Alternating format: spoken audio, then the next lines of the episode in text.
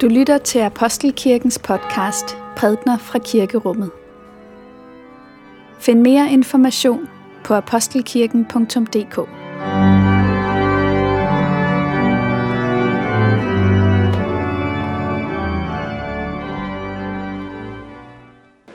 God eftermiddag alle sammen, og velkommen her i Apostelkirken på Langfredag.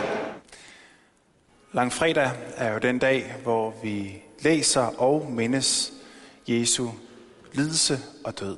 Således også ved denne gudstjeneste. Vi læser fra evangelisten Markus. Da de havde hånet ham, tog de purpurkappen af ham og gav ham hans egne klæder på. Så førte de ham ud for at korsfeste ham. Og de tvang en mand, som kom forbi ude fra marken til at bære hans kors. Det var Simon fra Kyrene, far til Alexander og Rufus. De førte ham ud til stedet Golgata, det betyder hovedskalsted. De ville give ham vin, krydret med myre, men han tog det ikke. Så korsfæstede de ham og delte hans klæder ved at kaste lod om dem, hvem der skulle have hvad. Det var den tredje time, da de korsfæstede ham. Og indskriften med anklagen imod ham lød, jødernes konge. Sammen med ham korsfæstede de også to røvere, den ene på hans højre, den anden på hans venstre side. Således gik det skriftord i opfyldelse, som siger, og han blev regnet blandt lovbrydere.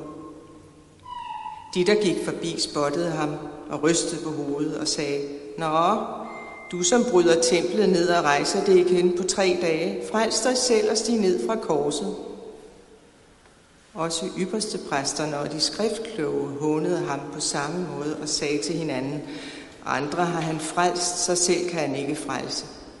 Kristus, Israels konge, lad ham nu stige ned fra korset, så vi kan se og tro. Også de, der var korsfæstet sammen med ham, hånede ham. Da den sjette time kom, faldt der mørke over hele jorden indtil den niende time.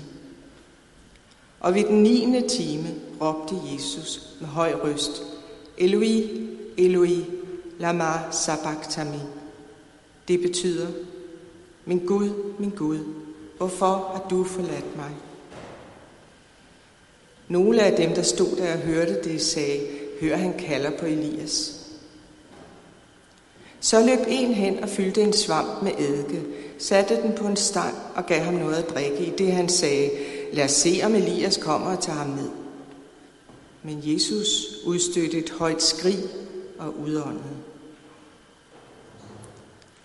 Og forhænget i templet flængedes i to dele fra øverst til nederst. Der sagde officeren, som stod lige over for ham, og så, at han udåndede sådan. Sandelig, den mand var Guds søn. Lad os bede sammen.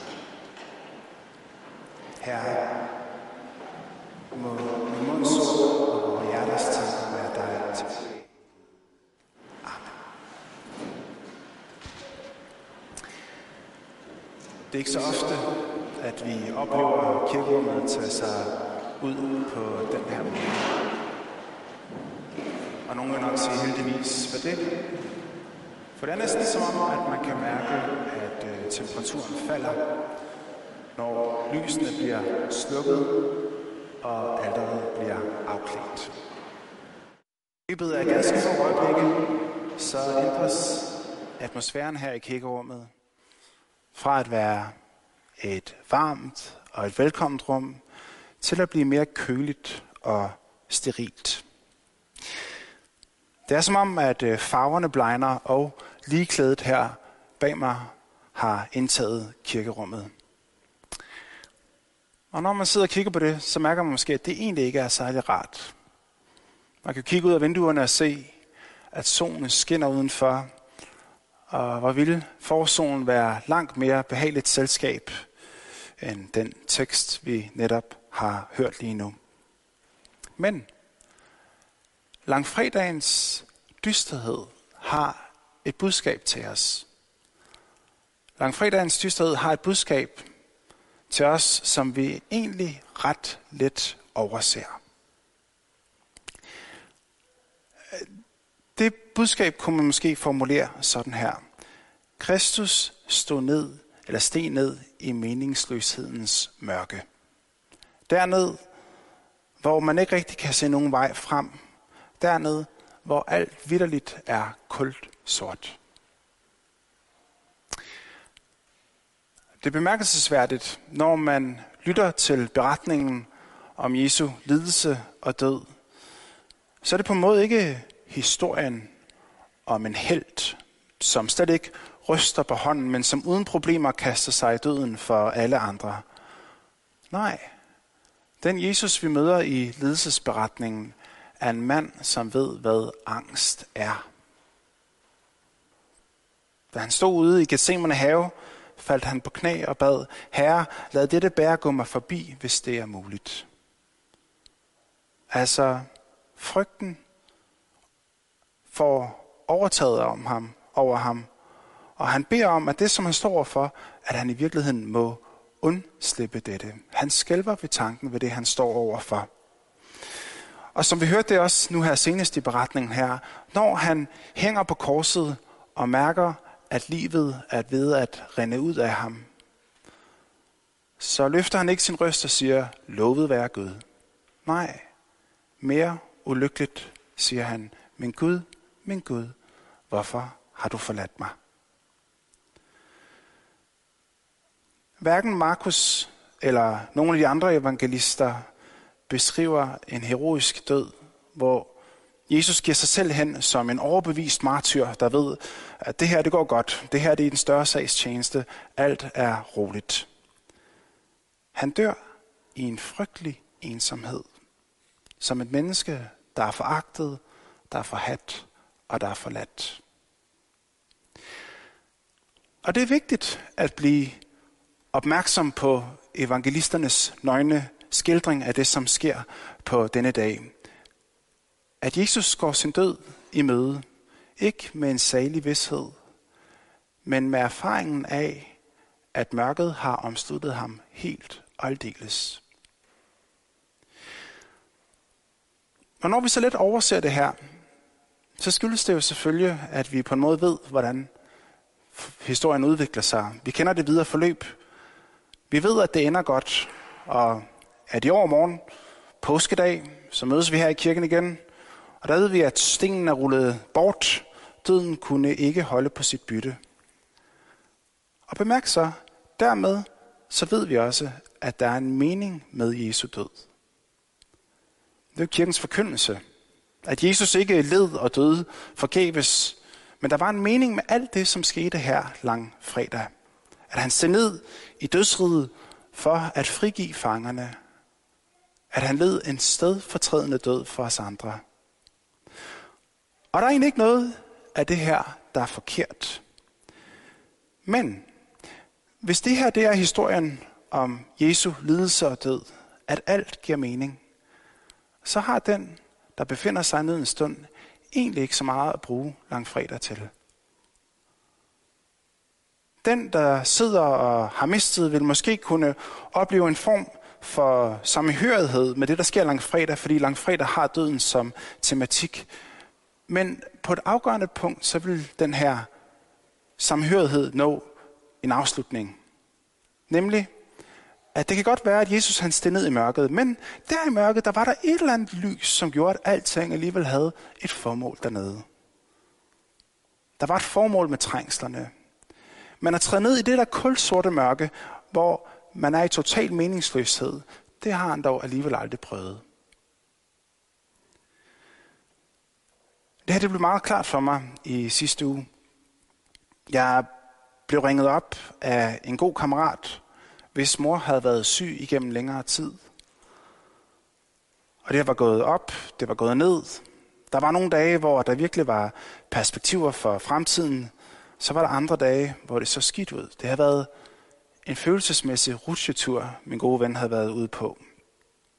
Og så i forrige uge, så bliver jeg ringet op, og vennen fortæller, at hans mors liv står ikke til at redde. De har været samlet, familien.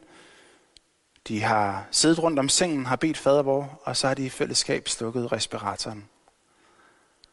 Og så ganske få efter, minutter efter, var hun død.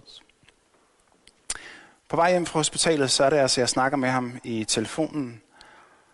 Og når jeg tænker efter, så er der noget ved den her samtale med ham, som er så tydeligt, at jeg på en måde hele tiden forsøger at række ud efter en form for mening hele tiden i det, der er sket. Altså,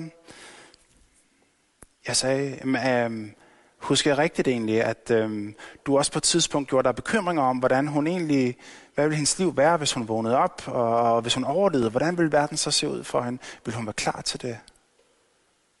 Eller, nu er det snart påskuen, vi går ind i. Er det, er det egentlig ikke øh, dejligt at have tid med familien? Jeg har en uge, hvor I ikke skal en hel masse. Eller, det er påskedag snart. Er det ikke stærkt at skulle begrave sin mor så tæt på denne dag? Og se, jeg tror, der er både noget rigtigt og fint i alle de ting, jeg siger her, men sandheden er jo, at alting er sagt i total afmagt. Jeg ved ikke, hvad jeg ellers skal sige, men jeg føler bare, at jeg må sige et eller andet for at skabe en eller anden form for sammenhæng i det, som er sket, og men det er komplet meningsløst. Jeg så det som min opgave at gøre det uforståelige mere forståeligt. For mig er det blevet en lærerstreg, men en lærer, jeg må tage til mig, og ikke mindst på denne dag, at det er et vilkår, at vi her i kirken som kristne altid vil se Jesu død i lyset af opstandelsen. Men det må vi ikke gøre på en sådan måde, at vi berøver dem, der er ramt kristi nærvær. Og det kan vi meget let gøre, hvis vi forstår alting ud fra en større mening. Kristus steg ned i meningsløshedens mørke. Det er det, som er langfredagens budskab. Han er ikke fremmed over for den situation, som jeg beskrev før. Den situation, hvor man ikke kan se sammenhængen overhovedet. Han gik ind i dette at være menneske, menneskets liv. Han er gået ind i vores død med alt, hvad det rummer af frygt, af angst og meningsløshed. Lov og tak og evig er være dig, vor Gud, Far, Søn og Helligånd. Du som var, er og bliver en sand treenig Gud, højlået fra første begyndelse, nu og i al evighed. Amen.